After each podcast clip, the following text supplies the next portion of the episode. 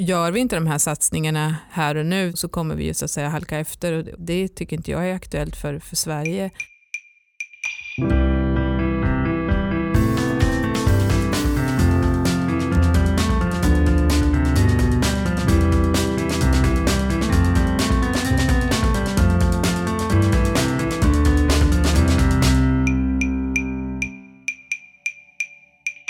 Framtidens vård lovar diagnos och behandling baserad på våra gener. Vilken roll spelar politiken i utvecklingen av precisionsmedicin? Alltså det här begreppet som brukar förklaras som rätt behandling till rätt patient i rätt tid och med rätt dos. Hur ser den politiska viljan ut i tider av stigande kostnader och förändrade vårdsystem? Är precisionsmedicin mer en fråga om rätt och fel än höger och vänster i politiken? Och hur manövrerar vi så att framtidens vård inte blir orättvis? Välkommen till ett samtal som tar den politiska pulsen på precisionsmedicin. Och idag är det jag, Anna Johansson, som leder podden tillsammans med Thomas Johansson. Och Thomas, vem är du? Kort, kan du berätta? Eh, jag jobbar på BMS som eh, Market Access eh, Manager och det innebär att man har ansvar för introduktion av nya läkemedel i Sverige. Mm, bra att ha med dig. Och vi ska ju idag prata med Marie Morell som sitter här mm. i studion. Och Marie, du är andre vice ordförande i regionstyrelsen Precis. och oppositionsråd. Du är också ordförande i eh, sjukvårdsdelegationen på SKL. Det stämmer. Samt är också rankad som en av de mäktigaste personerna inom svensk sjukvård. Mm. Mm. Så att, eh, varmt välkommen till dig Marie, kul att ha dig här. Tack så jättemycket. Eh, jag tänkte vi kunde börja och prata lite om hur ditt politiska intresse uppstod. Oj, då går hela podden. Nej men eh, jag har ju varit, eh, jag har varit politiskt aktiv väldigt länge, sen eh, ja, högstadie gymnasieåldern. Men jag var väl en sån där person som redan ganska tidigt i skolan tyckte att det var spännande med saker och ting. Jag kommer ihåg att jag och min kompis, vi startade något eget typ politiskt parti som hade sitt högkvarter i vårt förråd hemma. Hennes pappa var politiskt aktiv så vi hade liksom fått, hade fått följa med honom på något möte och sådär så vi tyckte väl att vi skulle ha något eget. Men eh, ren, väldigt aktiv eh, och eh, mer engagerad blev jag väl på gymnasiet ungefär kan man säga och eh, det var Moderata ungdomsförbundet i Östergötland och jag lyckades väl tajma ganska väl där. Jag lyckades komma i den generationen så att eh, kollegorna där hette Anders Borg, Sven-Otto Littorin, Gunilla Carlsson eh, och så vidare och så vidare. Så det är min plantskola i politiken som jag satt i styrelse tillsammans med och så. Ja, jag förstår. ja. har, du, har du någonsin liksom tvekat över det här valet att gå in i politiken? Nej, jag har ju alltid tyckt att det har varit väldigt spännande jag, också, jag, menar, jag har ju hållit på nu i ganska många år. Jag har ju varit på heltid i 20 år faktiskt i regionen. Jag börjar bli liksom en av inventarierna i, på regionhuset. Eh, men jag har alltid tyckt att det har varit väldigt spännande och alltså, det är så mycket nya frågor, utmaningar och jag har hela tiden känt att jag eh, behöver lära mig nya saker. Eh, och det, det är nog det jag liksom, tycker är mest spännande eh, och liksom hela tiden testa och se, förstår jag det här, vad, vad kan jag göra och så vidare. Så att, eh, och att det är, alltså det, sjukvård är ju ett, ett område som berör verkligen människor Ja, det handlar ju på riktigt om liv och död. Mm. Eh, och eh, jag kände väldigt tidigt i min liksom, politiska karriär, jag kom in i, i landstingsfullmäktige 1991 eh, och då var jag ju förhållandevis ung där och det var inte riktigt så vanligt att man hade unga politiker i, i landstinget på den tiden. Landstinget var då lite grann sådär liksom steg två i karriären snarare. Då hade man avverkat lite kommunpolitik och sen när man tyckte att man ville göra någonting nytt. Så det bestod mest av äldre distinkta herrar eh, och i mitt parti gärna med någon adelsanknytning. Eh, så, men eh, det var, så att jag var väl ganska udda där. Men, eh, Hur kändes det då? ja, nej men jag har, jag, alltså, jag, blev, jag måste säga att jag har blivit väldigt, väldigt väl omhändertagen och haft mentorer och stöd och stöttning av eh, eh, mina partikamrater och även andra kamrater i andra partier som ju då tyckte det var kul att man kom in som ung i liksom hälso och sjukvårdsfrågorna och har verkligen liksom burit fram mig. Så att eh, jag har ju liksom haft ett jättestarkt, liksom fått support och haft mentorer och personer som har funnits med mig hela tiden.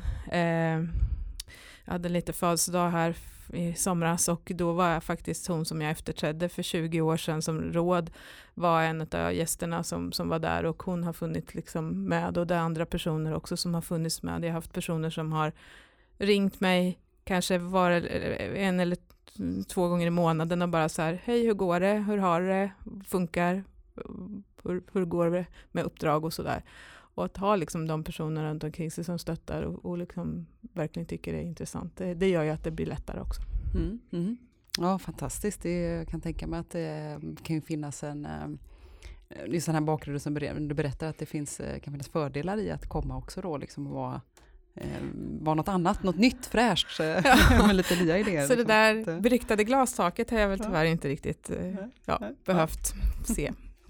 Jag vet ju Marie att eh, just patientperspektivet är en viktig utgångspunkt i de olika rollerna som, som du har haft och som du besitter nu också. Men bör inte det vara en självklarhet hos alla som jobbar med vårdpolitiska frågor?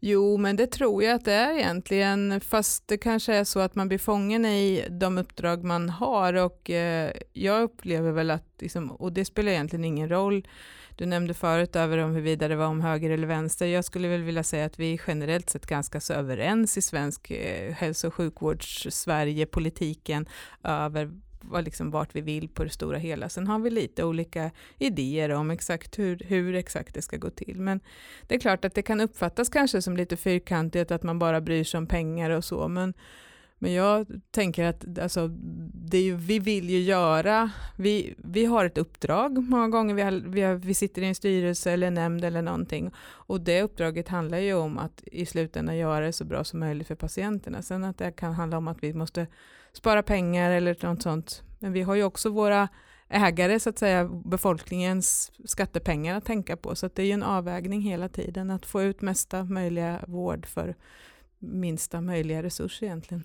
Ja, precis. Och, alltså, sjukvården just nu befinner ju sig under både finansiell och därmed också politisk press i många regioner. Det är ju mm. rätt mycket röda siffror och sånt där. Jag tänker. Och, och, så har vi det här med precisionsmedicin då, som ibland målas upp lite som en frälsare i det här sammanhanget, som ska bidra till effektivisering, personanpassning och den är högteknologisk och så pratar man om att det är ett paradigmskifte då inom inom vården. Men vad, vad, vad tror du om, om den verkligheten på liksom kort, lång sikt? Nej men det kommer ju gå mot att vi har mer personfokuserad eh, eller patientfokuserat oavsett om du då liksom hamnar in i en ganska avancerad eh, behandling och där då du har kanske en mer, mer medicinsk möjlighet idag. Jag menar vi har lärt oss mycket mer om bara när vi DNA-sekvensering och så vidare har kommit så har vi ju helt plötsligt förstått att liksom en sjukdom, jag menar ta bröstcancer till exempel som ju, jag menar, man trodde att det var en, en sjukdom, idag vet vi att det är liksom, ja vi vet väl än idag en, inte hur många sjukdomar det egentligen är och hur olika den kan utvecklas eller prostatacancer eller någonting annat som också är väldigt vanligt att att oberoende på hur du ser ut i din genuppsättning och vad det är för typ av tumör som du har drabbats av så kommer det att utvecklas. Och det här är ju kunskap som, vi, vi har, som är väldigt ny. Men jag tänker också att det, det handlar också om det vardagsbemötandet över att vi är ju olika som individer också, vad, hur mycket information vi vill ha. En del vill liksom inte veta någonting nästan, en del vill veta jättemycket och, och så vidare. En del vill ha det i, i skrift och en del vill att någon berättar. Och de här sakerna tror jag också vi måste fundera på hur vi får hela sjukvården, oavsett om det är liksom den mer medicinska delen eller den mer omvårdnadsdelen, mer personfokuserad. Eh, För vi kommer kräva det som individer. Vi har ju vant oss nu, jag menar du kan ju anpassa allting i din omvärld, jag menar du, du, du utformar dina telefoner eller vad det nu är, liksom, och med favoritfärger och egna bilder och så vidare. Och det är klart att man förväntar sig samma typ eh, när man kommer till hälso och sjukvården också. Det gäller för oss att hänga med där. Mm. Ja, det glappet blir ju bara större och större ja, som vi ser det idag. Då. Precis. Ja, jämfört med omvärlden. Ehm, jag tänkte också på det här att liksom, vi kommer också behöva göra, alltså vi gör ju redan rätt stora investeringar i precisionsmedicin och det som ska bli liksom framtidens eh, eh sätt då liksom att behandla på det sättet mm. i vårdkedjan och sådär. Vi kommer ju behöva fortsätta göra investeringar och mm. även liksom lång tid framöver. Vad, vad, är din syn på det? Varför är det rätt att göra den satsningen och varför eller skulle vi bättre kunna använda de resurserna till någonting här och nu idag? Nej, men jag tänker att man, det är självklart så att vi måste alltid försöka att ligga i framkant och Sverige rent generellt, vi, vi har ju legat i framkant i, i världen i hälso och sjukvården och har en sjukvård som som har i grunden väldigt bra kvalitet och ligger i, i topp, även om vi sen kan ha önskan om att förbättra väldigt många områden naturligtvis. Men jag tror att alltså, gör vi inte de här satsningarna här och nu så kommer vi ju så att säga halka efter och det, det tycker inte jag är aktuellt för, för Sverige.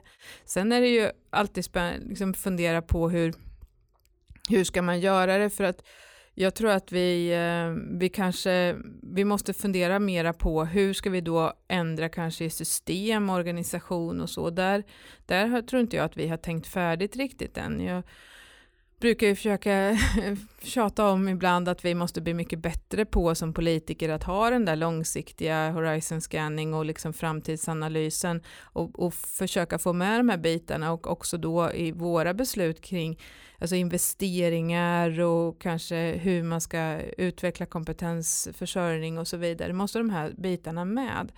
Och vi är lite för, för dåliga där. Vi i Östergötland, om jag får ta det som exempel, försöker ju titta en hel del på hur, hur, ser, hur ser framtidens vård ut och vad behöver vi för liksom, lokaler utifrån den. Nu har vi hållit på och byggt om jättemycket de senaste åren, men, men vi måste ju hela tiden fundera på hur ska liksom primärvården se ut? Vad kommer, vad kommer ligga på det stora sjukhuset och vad kunna, kommer kunna finnas i den öppna vården och så vidare? Den här frågorna är jätterelevanta också då utifrån hur, när man det blir mer individanpassat och mer precisionsmedicin. Vad, vad, vad för det med sig för strukturfrågor? Mm. Mm.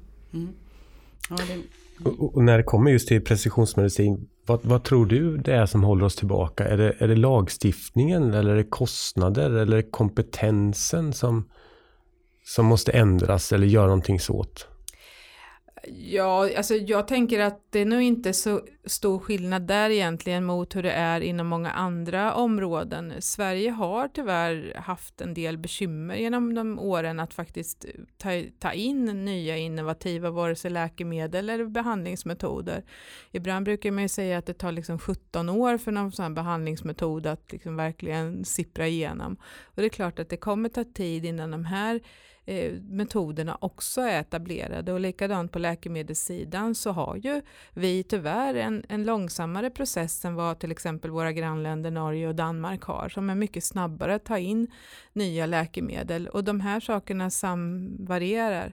Jag tänker att Dels har vi den här nya kunskapsstyrningsmodellen, den ska vi liksom frälsa alltihopa, men, men där behöver ju då också politiken finnas med på ett tydligt sätt och vi behöver även ha ekonomiska analyser. Men, men det är klart att bygger den mest på redan befintlig kunskap för att etablera den, ja, det, det, är viktigt att, att det kommer in att om vi nu sätter en sån styr, tydlig modell med kunskapsstyrningsorganisationen, då måste ju den här nya kunskapen liksom få plats i det eh, sättet också. Mm. Så att, eh, ja, ja, jag, tror inte, jag tror inte man ska tänka att det är liksom något unikt för, för just den här typen av behandling.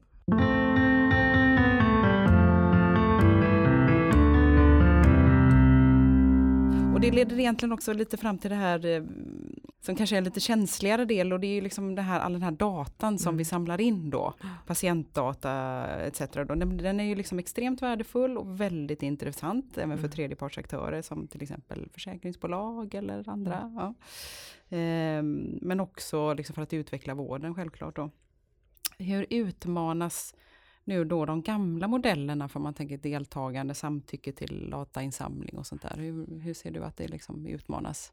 Vi har väl kanske inte tänkt, jag tror att vi, vi skulle behöva egentligen tänka väldigt mycket mer på det. Nu, tyvärr så känns det väl lite grann som att man har integritets, och det är ju alltid en avvägning här naturligtvis, men att vi har varit lite rädda nu under en period och liksom har satt integriteten.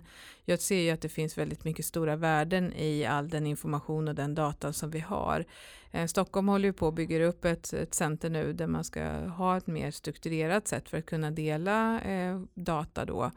Och där tror jag vi andra i landet också behöver fundera på hur ska vi göra. Vi sitter på de här så kallade, de har ju kallats för guldgruvor nu, jag vet inte hur länge som helst med våra register och så vidare, men vi har ju inte använt dem på ett klokt sätt.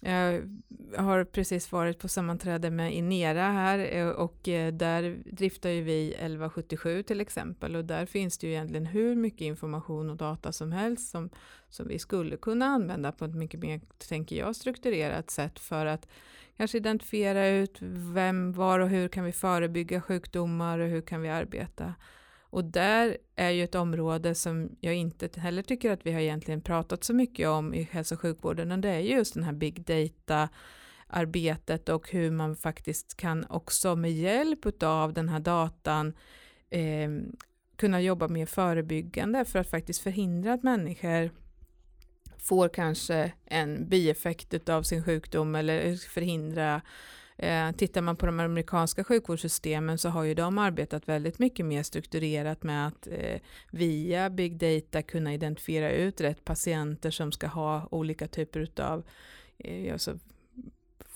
läkemedel eller vad som helst. Eh, Östergötland nu har vi ju infört ett beslutsstödsystem till exempel som ska identifiera ut, som är egentligen en, en strokeprevention men patienter då med förmaksflimmer som inte är riktigt eh, behandlat. Och genom att liksom man ser olika eh, markörer i journalen eh, så, så, så plingar det till så att säga. Och så mm. så det finns ju hur mycket som helst mm. att göra här. Mm. Um, ja precis och det är ju en fantastisk utveckling att det går åt det hållet där man kan liksom brygga det här avståndet liksom mellan hälsa, prevention och, eh, och sjukvården så att man kan liksom det är, det är väl dit vi vill komma, tänker jag. Ja, och sen handlar det ju också om att använda datan till en bra uppföljning och statistik för att vi vill ju också veta, som, som politiker så att säga, så vill ju jag veta att vi gör bra och rätt saker och det är också så att vi, vi har väldigt mycket, mycket data. Östergötland är väl en av de landsting eller regionerna som är kända för att ha nästan mest data eh, och eh, vi använder det inte fullt ut så mycket som vi borde men, men eh, det visar ju på vilken potential vi har och jag tänker också på det här med jämlik vård. Ska vi försöka att hjälpas åt att liksom man ska få samma förutsättningar så behöver vi också se vad är det vi har gjort och kunna utvärdera på ett så bra sätt som möjligt. Och jag tänker ju att det här att, att se och jämföra är väl kanske istället för att behöva vara, reglera och så, så tänker jag att det finns incitament hos människor själva att försöka inte sticka ut utan göra det som är best praxis. Jag tror att man har det incitamentet om man bara får möjlighet att se. Mm. Mm. Bra. Mm, men upplever du att den politiska viljan att förändra och göra nytt är större idag än till exempel när du började? Eller är det andra aktörer också som trycker på? Fast jag tycker ju, det är väl det som har gjort att jag har varit intresserad av det här området hela tiden, att det faktiskt har varit en förändring och vilja att göra nytt. Eh, nu backar jag ju tillbaka långt i tiden höll jag på att säga, men när jag började, det var ju då eh, beställare och utförarsystem kom. Eh, alltså början på, slutet på, alltså om vi tar på 80-talet, då satt man ju i, i styrelser där man egentligen bestämde ganska mycket på detalj över exakt hur det skulle se ut på vårdavdelningar, hur många personal det skulle vara och huruvida, ja, ja det var väldigt detaljstyrt och sen så kom ju skiftet med Alltså det var ju egentligen då liksom det här patientfokuseringen, behovsstyrning, där man skulle prata om medborgarens behov och så vidare. Och vi var ju ganska tidiga i det i Östergötland. Och jag vet som sagt, vi började prata om hälsa och de bitarna. Det var också väldigt nytt. Sen mm. hade vi ju period, jag också var med med diskussioner om prioriteringar och vi gjorde ju sådana prioriteringslistor i Östergötland. Nu har ju den frågan kommit tillbaka lite grann på bordet igen. Men, eh, men det, jag, jag skulle nog vilja säga att det har funnits hela tiden en utvecklings eh, och det här, sjukvården är ju liksom i sig själv en sån där man vill utveckla och förändra. Sen har ju saker och ting går snabbare och snabbare och det gör det väl i samhället i stort så att säga. Så att eh, vi har förändrat oss hela tiden. Ja, ja men det jag som bor i Östergötland eh, ser ju det också. Ja. Med, följer utvecklingen. Det är ju som du säger Marie, Östergötland ligger ju lite i framkant när det kommer till data. Faktiskt. Precis. Eh, men en fråga bara, handlar precisionsmedicin tror du mer om rätt och fel? Vi har varit inne på det här lite tidigare. Det handlar mer om rätt och fel snarare än vänster och högerpolitik. Kan en fråga som den här rent av förena eh, politiken både på nationell nivå men också på regional nivå tror du? Över partigränserna? Jag kan inte se att vi har några olika partipolitiska uppfattningar över hur man ska jobba med de frågorna. De partipolitiska skiljaktigheterna i hälso och sjukvården, de går väl egentligen mer traditionellt, där de går in i många frågor, liksom hur ska vi driva, liksom ska det finnas en möjlighet för privata aktörer och alltså det är liksom, det är mer på den klassiska eh, liksom skalan. När det gäller att jobba med, det är väl möjligtvis eh, intresset då, men då är det nog den mer personligt knutet till individ om man tycker att det är spännande när det händer nya saker eller inte. Men eh, vi har inte sådär supermycket och framförallt inte inom det här området med med eh, typ precisionsmedicin och så. Det är klart att det finns, det finns ju alltid en, en spänning emellan när vi pratar om att vi ska göra saker och ting jämlikt och lika och likvärdigt och att det kan tolkas som att alla ska få exakt samma läkemedel eller så vidare. Men eh, jag tänker att vi som är lite, vi som är mer inne i det hela, vi vet ju att det, det, det är inte det man menar egentligen. Och det som jag snarare kan vara lite rädd för, det är ju när vi sätter upp till exempel standardiserade vårdförlopp och den typen av beskrivningar, att vi verkligen måste tänka in att det är liksom, det ena får inte förta det andra. Att, att bara för att det är standardiserat så behöver det inte menas att det inte är individuellt. Nej, precis. Nej. Men tror du att det här med liksom jämlik vård, tror du att precisionsmedicinen har en roll att spela där, att för att skapa en mer jämlik vård? Det är ju egentligen så man kan skapa en jämlik vård, så som jag ser jämlikt i alla fall. Jag menar, för mig handlar det ju om att liksom skapa samma, mer samma förutsättningar. Sen har vi olika och jag menar det är väl, alltså för mig är det väldigt självklart att vi är olika som individer och att vi också då har olika förutsättningar och jag menar vad jag har för genuppsättning, det kan jag ju liksom inte riktigt, ja det kan man ju för sig påverka, men det är inte riktigt det man, man är ute efter. Men, men det är klart att skulle jag få en, en sjukdom som, som krä, för att jag ska bli frisk kräver att man behandlar den på, på ett sätt och sen en, en annan person får motsvarande sjukdom men att då behövs eh, behandlingen göras på ett annat sätt. Jag menar, så, så utan det handlar ju om liksom se till vilka möjligheter har vi att skapa ett gott liv och att, att kunna få liksom livskvalitet efter det att man har haft sin sjukdom, tänker jag. Mm. Finns det en risk att det blir en socioekonomisk fråga? Att liksom de som har rätt eh, resurser eller kanske rätt kunskaper eh, också att det många gånger kan handla om att det är de som får tillgång till det och inte andra?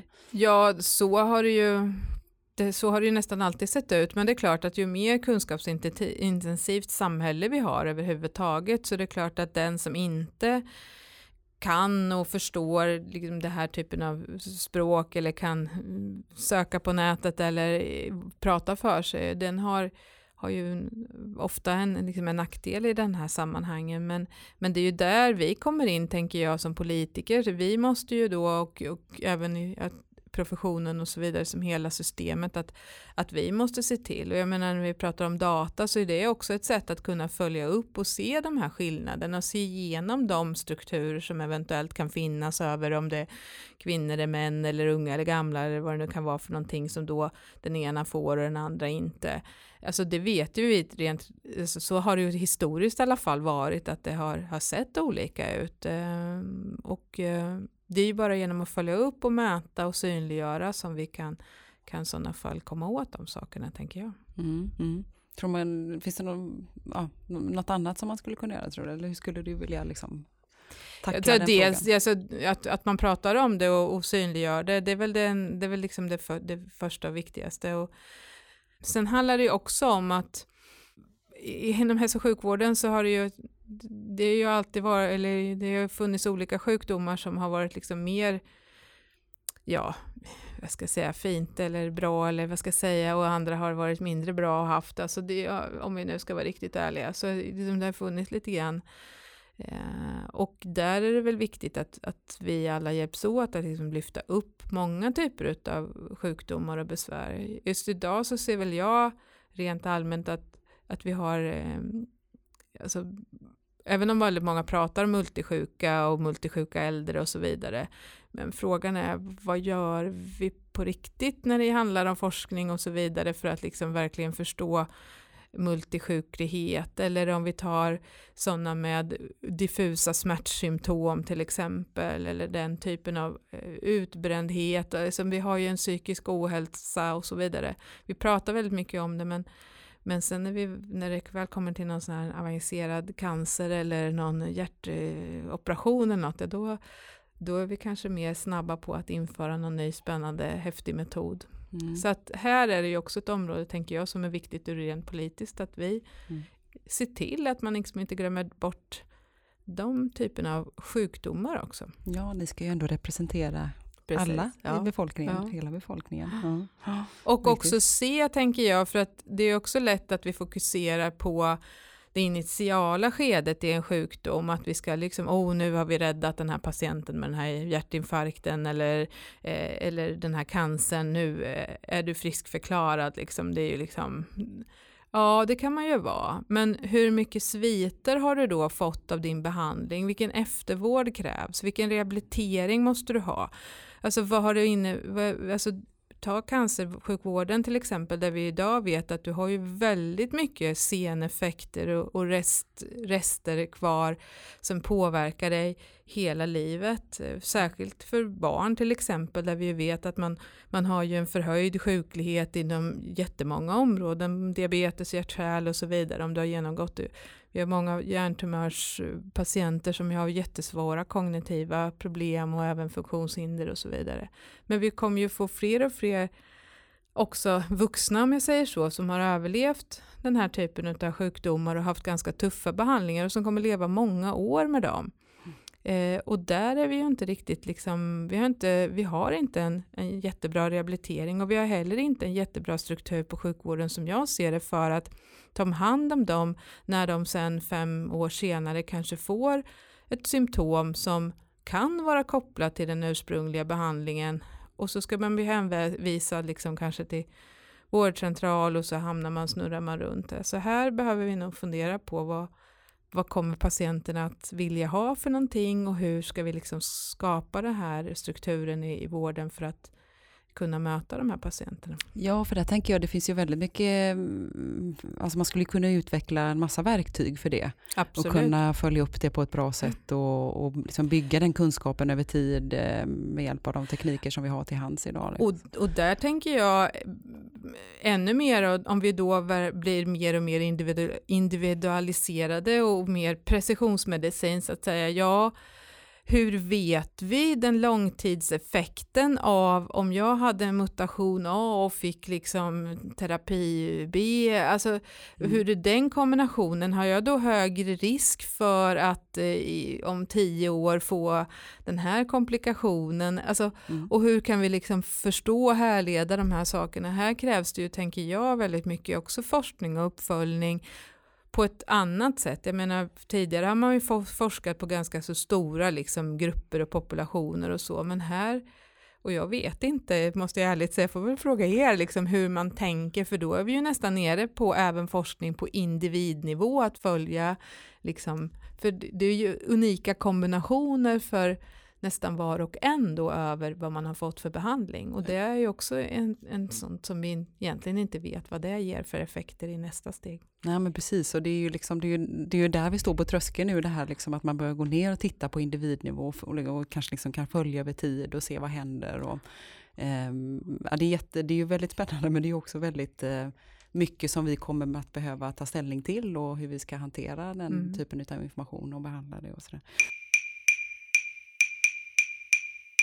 Men när vi ändå är inne på det nu, hur, hur ser du liksom då på, eh, på läkemedelsindustrins roll? Liksom, vilken roll kan vi spela nu liksom för eh, det här som, man, som vi håller på att bygga upp nu i Sverige då kring ett, en infrastruktur för att möjliggöra till exempel molekylär profilering mm. etc. av olika patientgrupper och sånt där. Hur, hur ser du på vår roll i det?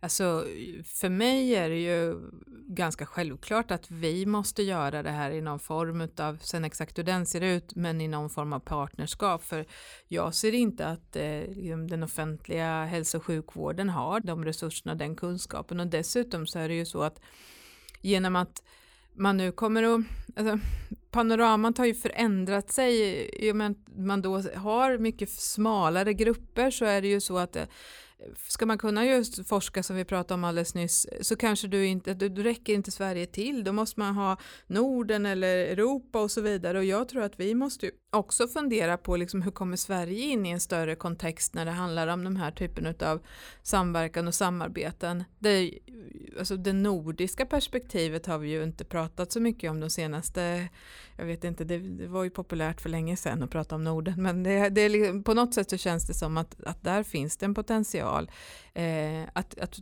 göra en hel del sådana saker tillsammans också. För det är klart att alla kanske inte kan bygga upp de här kunskaperna och kompetensen eller labben eller vad det nu kan vara för någonting utan det kommer att finnas på vissa utvalda ställen och så måste vi hjälpas åt.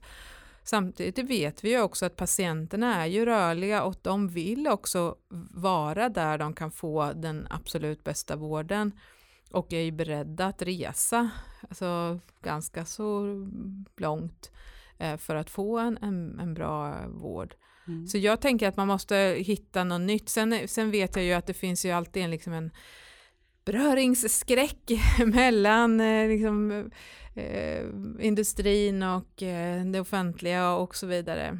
Men, eh, men vi måste hitta vägar där. Mm. Ett bekymmer som jag ser det, det är att politiken är extremt lite inne i frågor som rör läkemedel och så vidare. Vi, det är liksom inte en fråga som är på vår agenda i princip. Mm. Eh, och, Borde den vara det? och jag vet att det brukar de flesta så här läkemedels bli lite förvånade. Ja, det, det är klart att det är 10 procent av våra sjukvårdskostnad. Så det är klart att den borde vara, vi har det uppe, jag menar rent generellt så är det nog så att de flesta, de ser det som en en post i, i, i delårsrapporten eller i bokslutet liksom att ja, ja, det hade ökat med x procent eh, hit eller dit liksom läkemedelskostnaden och så pratar man om något dyrt läkemedel som har kommit och som har sabbat budgeten för någon klinik eller någonting. Eh, nu raljerar jag och hårdrar lite här, men, men i, i, i runda slängar så är det på den nivån. Vi har ju haft nu den här ganska omfattande utredningen om, om hur läkemedelsstrukturen ska se ut utav Toivo Heinso.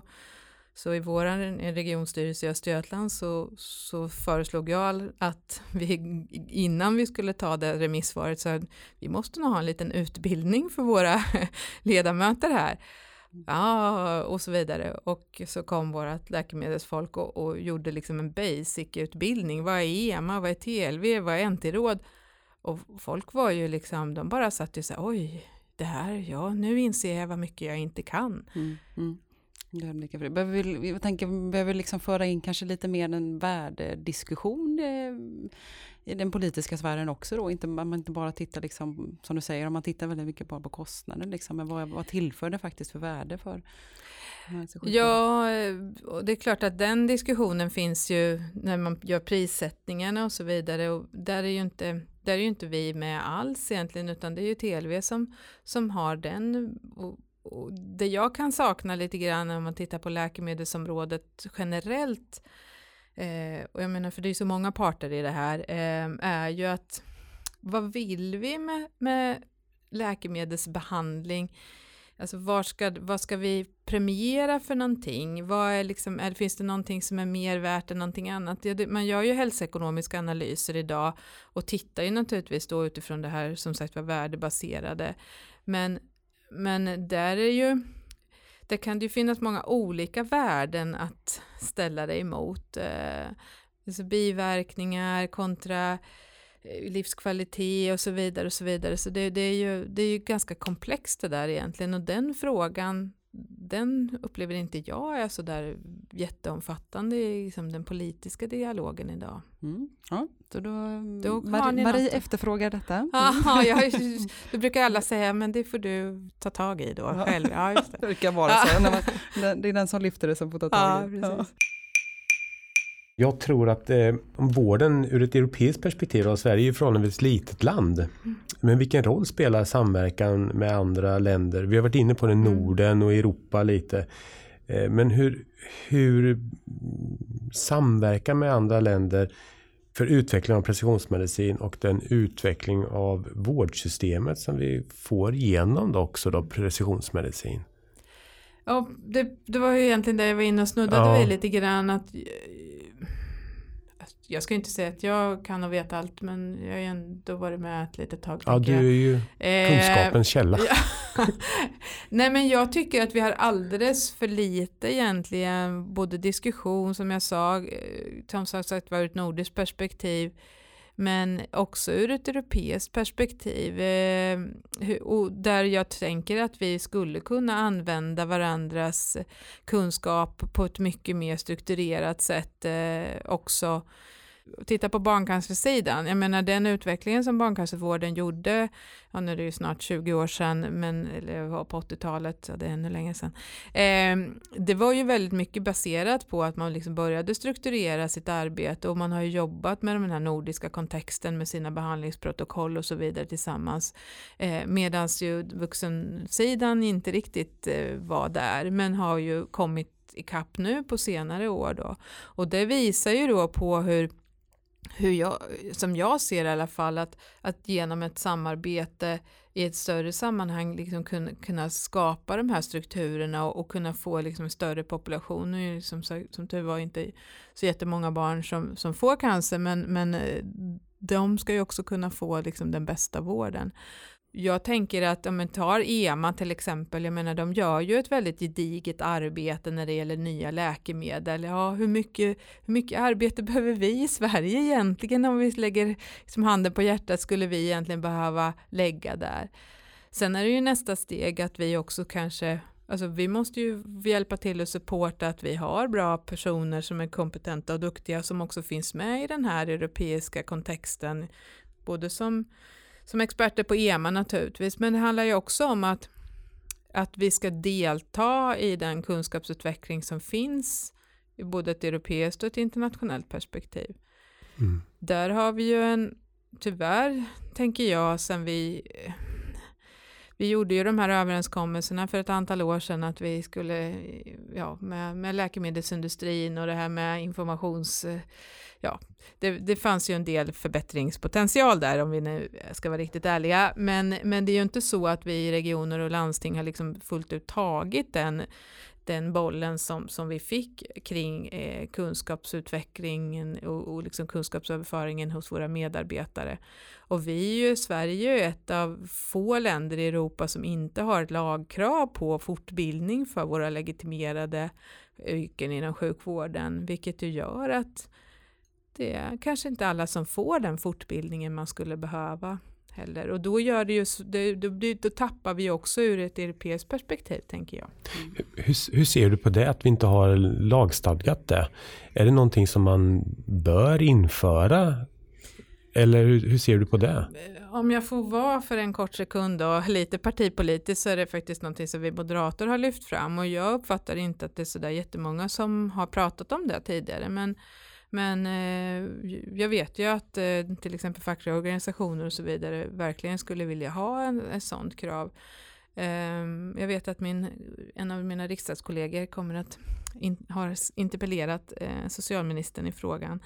Eh, nej men det är klart att det kommer ju ställa ett väldigt starkt krav på oss som, som arbetsgivare naturligtvis. Men, men det är klart att ska vi vara en kunskapsorganisation med högkompetenta medarbetare som har mång, mångårig utbildning bakom sig så kan vi ju inte heller eh, inte fort, jobba med fortbildning och den delen. För att ska vi kunna ligga i framkant så måste man ju få lära sig det nya och det är ju en extrem hastighet på ny kunskap idag. Och det är ju inte så att, alltså, det handlar ju om kanske på ett nytt sätt. Jag menar förr var det kanske att man skulle lära sig liksom, ja med månadens nya läkemedel eller vad det nu kan vara för någonting. Men jag menar så funkar det ju inte riktigt idag. Liksom, det, är ju, det är ju en förnyelsenivå eller hastighet utan det handlar ju mer om att kanske få, få kunskap på en annan del och sen får vi i sådana fall också komplettera det med som sagt var beslutsstöd och ett bättre digitalt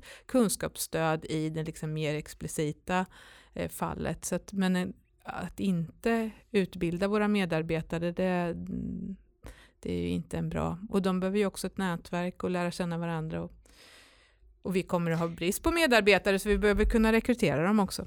Ja, nej, men det är ju oerhört viktiga frågor som, som du lyfter här. Jag tänker just när man ser den här utvecklingen som är nu och att eh, vi nu liksom för tillbaka det då till det här med, kring precisionsmedicin och så här, mm. just det som vi bygger upp, det, det, det förutsätter ju liksom en kunskapshöjning eh, i alla led. Absolut. För det här kommer ju beröra, eh, det kommer ju beröra alla eh, inom hälso och sjukvården till slut eh, på något sätt. Eh, eller väldigt många i alla fall. Ja men, men, bara, jag menar bara all den nya kunskap kring liksom gensekvensering och så mm. vidare. Mm. Det är klart att utbildade du dig någon gång i början på 90-talet så hade det liksom, då hade inte det här kommit än. Och jag mm. menar hur funkar det och vad kan jag göra, vad kan jag inte göra och så vidare. Och, och vilka möjligheter finns det inom, inom olika sjukdomsområden. Och det, ju, det kommer ju finnas, alltså det här påverkar ju i princip all hälso och sjukvård tänker jag. Att, att liksom ha kunskap och kunna jobba med de här typen av mm. Mm. delar. Så, mm. Att, eh, mm, så där, behöver, där har vi lite att jobba på. Vad, vad ser du annars, finns det någon, någon annan fråga liksom som är sådär riktigt laddad eh, vad gäller just precisionsmedicin? Och?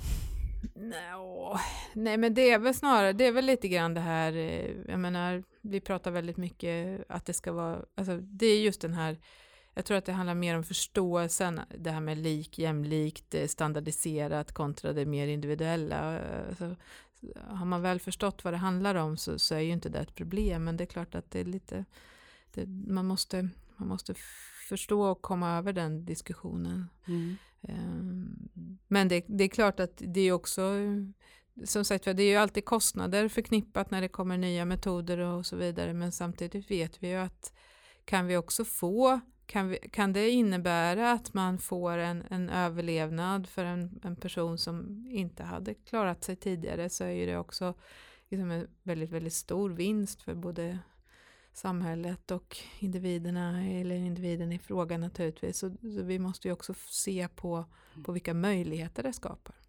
Ja, precis. Stora vinster och eh, frigör ju mycket resurser. Det har vi varit inne på flera gånger i det här, den här poddserien, men, men just det här kring... Ja, och jag menar framförallt det här att om du då kan göra, om du gör de här, nu är inte jag någon expert på det här, absolut inte, men, men alltså, som jag förstår det så kan man, kan man gå in tidigt och identifiera ut liksom vilken gentyp jag är och så vidare, vilken medicin som kommer funka för mig och kunna ge den direkt istället för att som idag kanske liksom testa tre, fyra olika eh, läkemedel innan man då någonstans på slutändan börjar att träffa någorlunda rätt och så har jag fått liksom ett antal biverkningar på köpet och så vidare. Det är klart att då har vi ju så att säga sparat i många olika led. Sen att den initiala kostnaden då kanske liksom är högre, men man måste ju också titta på hel, hela kostnadsförloppet tänker jag. Mm. Eh, och där är vi väl lite dåliga ibland och vi är väldigt duktiga på liksom piller X kostar sig mycket och piller Y kostar så mycket, men om man lägger ihop alla de där sakerna bredvid varandra så blir det ju en annan sak. Mm, ja, och där tänker jag också att det är precis sånt där som vi behöver liksom titta på tillsammans då. Hur eh, utvärderar vi liksom hela, allt det eh, mm. sammantaget? Liksom. Vad, vad bidrar det till? Resursmässigt, effektiviseringsmässigt och hur utvecklade vården framåt? Jag tänkte om man kunde om man kunde ta lite mer om kopplingen mellan precisionsmedicin och folkhälsa. Oj. Jaha. Om vi bara kunde tänka om lite. Eh, ser du någon risk att man att utveckling leder till samtalet till våra gener. Vi har varit inne på det mm. lite. Men istället då eh, titta på andra påverkningsfaktorer som träning och mm. kost och sånt. Ja, det där är ju det där är ju komplext. Jag menar, alltså generna finns ju där och man har vissa förutsättningar men, men jag tror att vi kanske behöver ha även, jag menar det är inte bara inom sjukvården vi behöver den kunskapen utan i samhället i stort att, att, vi, att vi alla har liksom någon slags eh, förutsättningar men vi kan också påverka vårt liv naturligtvis utifrån hur vi själva eh, lever och, och, så vidare eh, till viss viss grad. Sen finns det också saker som vi inte kan påverka och det där blir också lite komplext ibland för att det kan ju också bli ett skuldbeläggande över att ja, men du har inte tränat tillräckligt eller du har ätit fel så därför så har du liksom drabbats av den här sjukdomen. Men nej, det hade inte spelat någon roll. Du hade kunnat ätit eller tränat eller inte vet jag hur mycket du har velat. Jag hade, den här personen hade blivit sjuk i alla fall. Så att det, här är, liksom, det, det, är ju en samhällsdiskussion tänker jag som är lite, lite svår att, att ta. Vi får ju också in en del diskussion ibland över, alltså, det, som ligger mest nära i, i, diskussionen är väl rökning till exempel. Ja, där det ju finns, kommer upp ibland, ja men ska, ska sjukvården betala eller alkoholmissbruk eller missbruk i största allmänhet, ska man då verkligen betala för de effekterna som, som det kan ge eller inte? Det, det här är ju jättesvåra svåra saker, men det vet vi ju det kan ju finnas en person som har rökt i hela sitt liv och har inte en spår av någon lungcancer och det kan vara någon som knappt nästan aldrig, aldrig varit i närheten av någon cigarettrök och ändå blir sjuk. Alltså, så att de här samvariationerna är ju inte så enkla och tydliga som en del vill göra gällande. Så att... Nej, och det handlar ju också om, om synen på på människan. Och, alltså ja. blir en etisk diskussion, Precis. tänker jag. Man, man landar i där och mm, vill vi verkligen dra det så åt Nej. det hållet? Jag vet ja, jag, bara, jag ja.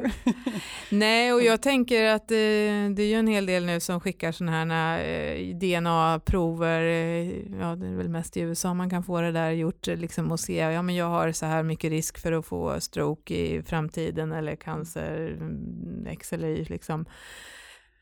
Och det där är ju också liksom en, ett sånt här dilemma som vi ska fundera på. Och det är klart att är, det inte, är inte det bra då? Att man får ja, reda på det? Ja, men precis. Alltså, det kan ju vara bra i vissa fall. Jag tänker, vi har ju sjukdomar där vi vet att det finns en genetisk markör för, jag menar, nu är vi tillbaka till bröstcancer igen, jag menar, där vet vi att det finns liksom vissa, liksom, eh, vissa typer som har en extrem genetisk, liksom, så att har man någon i, i, sin släkt eller har den så har man ju extremt stor eh, risk att, att bli sjuk. Eller det finns ju också med högt blodtryck till exempel, de här eh, som, som, som också är av mer genetisk karaktär. Mm. Mm. Och det är klart att där behöver man ju följa, men om en till synes frisk person kanske får någon liten uh, markör på att ja, men kanske eventuellt får en stroke, ja, vad, alltså, ja, det är klart att det är jättekomplext och jättesvårt att veta var, var går gränsen för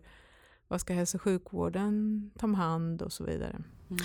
Ja, då är vi väl lite inne på mm, primärprevention i det ja. området också egentligen. Och hur, vad ska sjukvården stå för och vilka kostnader och, och den biten också kan tänka mig. Ja, och det är, väl här, det är väl här egentligen den här debatten om prioritering har börjat att dyka upp igen. Eh, den har ju varit lite, lite död får vi väl säga i ett antal år, men nu börjar man igen kanske fundera på, eftersom vi har så stora möjligheter, vi kan ju göra i princip ja, nästintill allt. Eh, och vad ska, vi, vad ska vi ägna oss åt och hur ska man fokusera. Men jag tänker, kan man lämna det åt in, varje individ att, det, att liksom avgöra det? Ja, jag vill ha reda på detta för jag vill veta mer risk för det. Och har jag en risk så vill jag även få hjälp att kunna liksom, ja. eh, hantera den då liksom på rätt sätt och få hjälp av sjukvården eventuellt kanske då. Eh, eller? Ja, jag måste nog säga att jag har liksom inte landat ner i, där. I, i, jag tycker det är väldigt det, det, det, är svårt och komplicerat, men det är klart att vi har ju det har ju funnits områden där vi tidigare, alltså det börjar ju sådär med många områden. Det är klart att idag vet du att du kan göra olika, alltså du kan ha verkningsfull medicin. Det jag tänker som en viktig del i det där, det är ju att ska man ge sig på att mäta någonting, screena någonting och så vidare så gäller det att man har tänkt till hela vägen så att det, det fynd du har, att du faktiskt har en åtgärd som du kan sätta in då. Mm. Eh, kan ta ett exempel, vi höll på för ett antal år sedan ganska intensivt och jag vet att det, det kommer och går hela tiden. Att man, alltså det är ju inte så svårt att skrina för osteoporos eller för benskörhet. Det är ju en ganska enkel sak egentligen. Du kan röntga olika ben i handen eller så vidare och se bentäthet och så.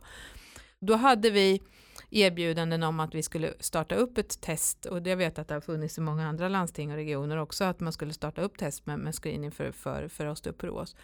men vad ska vi erbjuda den här patienten när den väl står där och säger att ja, men du har ju benskörhet och så vidare. Och det finns träning då och det kan man ju göra då för en del eh, och lite vitaminer och sådär. Men ja, mm. och det tänker jag att vi har ett ansvar då också när vi erbjuder den här screeningmetoden. Samtidigt så har vi ju andra tillfällen och sammanhang där man också alltså, ja, man måste ju den, kunna ta hand om eventuella bifynd och sådär också som man hittar. Mm, mm.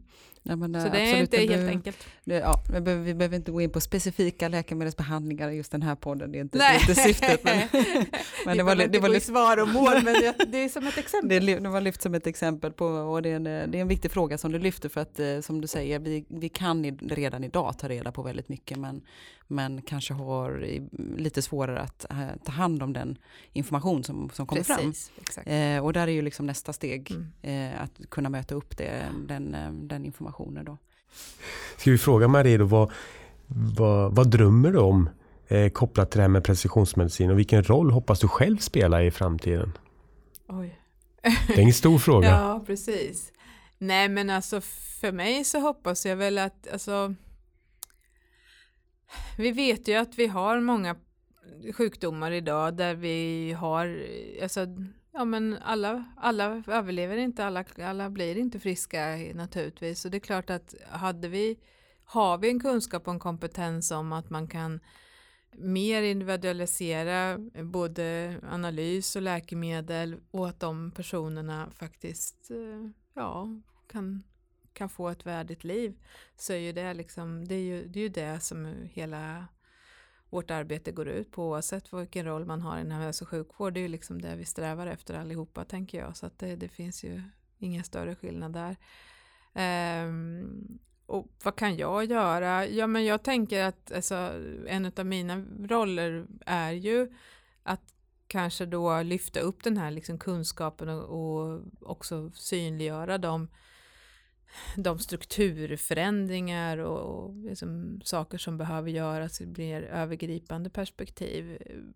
Jag skulle ju gärna hoppas att vi skulle hitta de här samverkansformerna inom olika delar och, och liksom kunna testa det. Ehm, så att det finns många olika saker som man kan göra men det är klart att vi, vi vill ju alla väl tänker jag och vill att vi ska kunna få patienter som som blir friska helt enkelt. Så är det absolut. Hur ska vi mäta framgången då? Att vi gör rätt saker och så, tänker du? Ja, nej men det handlar väl om att kunna se hur, eh, ja men som sagt vi har överlevnad, men det är ju inte bara liksom att, utan det är att kunna leva också efter sin sjukdom och, och där tänker jag att vi behöver kanske också vara med och utveckla mått för att och, och vara bättre på att också identifiera ut vilken livskvalitet som patienten har efter en genomgången behandling. Eh, så att man inte bara liksom ser att, man, att överlevnad är det enda alena rådande utan det ska ju vara ett värdigt och gott och bra liv också så stor utsträckning som möjligt. Eh, men om du vill spå in i framtiden, vad, vad tror vi är på väg med precisionsmedicin och eh, personcentrerad vård?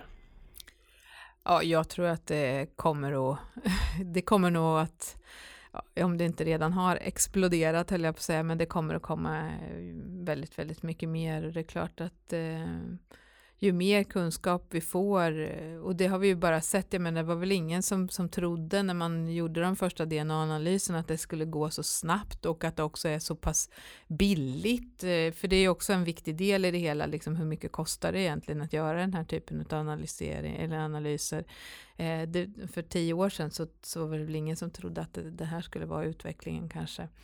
Så jag tror att det kommer att komma väldigt, väldigt mycket mer och att det här kommer att vara Alltså, allting har ju liksom någon form av cykel inom hälso och sjukvården. Det kommer det är i liten skala och det är avancerat och det är högspecialiserat och sen så breddinförs det och så finns det där ute i den mer nära vården och jag tänker att det här kommer att vara liksom en allmän, det kommer att vara ett standard arbetssätt. Eh, sen att, att man gör det i olika utsträckning naturligtvis beroende på vad man behöver men, men så är det. Och likadant det personcentrerade, där är jag ju kanske lite mer för det handlar mer om kultur och det handlar mer om värdering och arbetssätt och så vidare. Det här tekniska har vi ju en förmåga att snabbare ta till oss, men när det gäller att ändra oss själva i vårt eget beteende då kanske det är lite långsammare och trögare. Men vi kanske kan använda de tekniska verktygen även där så att vi kan snabba på även det arbetet. Mm, precis, det ena kan driva det andra. Men eh, då, för er politiker då, vad, vad, tror du blir den största förändringen för er vad gäller just eh, precisionsmedicin och så den kommande mm, fem åren kan vi säga? Oh, ja, det, det handlar väl ganska mycket om som sagt var över hur, hur vi ska om vad man behöver ha för typ av investeringar i sådana fall och om det finns saker och ting som, som behöver göras i det mer strukturdelarna. Och sen tror jag att vi, vi behöver lära oss mer om den här typen av områden rent generellt. Både precisionsmedicin men också läkemedelsfrågor och så vidare överhuvudtaget. Och, och förstå det, för det är ju en sån viktig och stor del av hälso och sjukvården och behandlingarna och så centralt för, för eh, ja, hela sjukdomsförloppet, liksom, behandlingen. Mm. Mm. Vad tycker du har varit det viktigaste i vårt samtal här då? Ja, nej, men det tycker jag väl är att, vi, att, vi, att man kan se att det finns beröringspunkter över hela linjen och eh, jag är också lite fundera, eller hur vi ska kunna få in just det mer eh, förebyggande arbetet på inte bara det här, alltså det kanske är primärprevention men inte bara det utan att också liksom hela tiden fundera på hur kan, vad kan vi göra i de olika stegen och olika momenten i hälso och sjukvården för att patienten ska vara så, så frisk som möjligt och inte bli förvärrad i sin sjukdom eller få eh, negativa liksom, konsekvenser av en behandling och så. För att eh, jag tror att vi har väldigt mycket att spara, både som ekonomiskt organisation, men framförallt för våra med, medborgare, patienter och så vidare. Att, att faktiskt eh, göra rätt från början och inte behöva bli sjuk i onödan. Mer hälsa och bättre sjukvård. Det ja. Bra vård och bättre hälsa hade ju vi i Region Östergötland, eller landstinget i Östergötland som, som, vision. Och våra ledord ja. var tillgänglighet, kvalitet och delaktighet. Ja. Vi Just känner fortfarande väldigt stolta över dem. Ja, ja viktigt. Mm. Bra om vi kan fortsätta jobba åt det hållet Absolut. tillsammans. Eh, en slutfråga som, eh, som vi ställer till alla som är med i den här eh, podden. Om du ser tillbaka på det här samtalet som vi har haft här nu då. Beskriv en av de känslor som du får i kroppen när du tänker på precisionsmedicin. Ja, det är väl liksom lite svindlande möjligheter över att vi faktiskt eh, har lärt oss så mycket och att det, ja, man, jag förstår liksom inte rent eh, tekniskt hur det går till, men jag, jag är imponerad över vad forskningen kan bidra till och det är liksom, det, jag tycker det är häftigt helt enkelt att vi kan, att vi kan göra det här och att, att människor kan att vi både kan identifiera vad det är som gör att människor blir sjuka men också att vi kan göra någonting åt det. Mm. Tack så mycket Marie. Tack själv.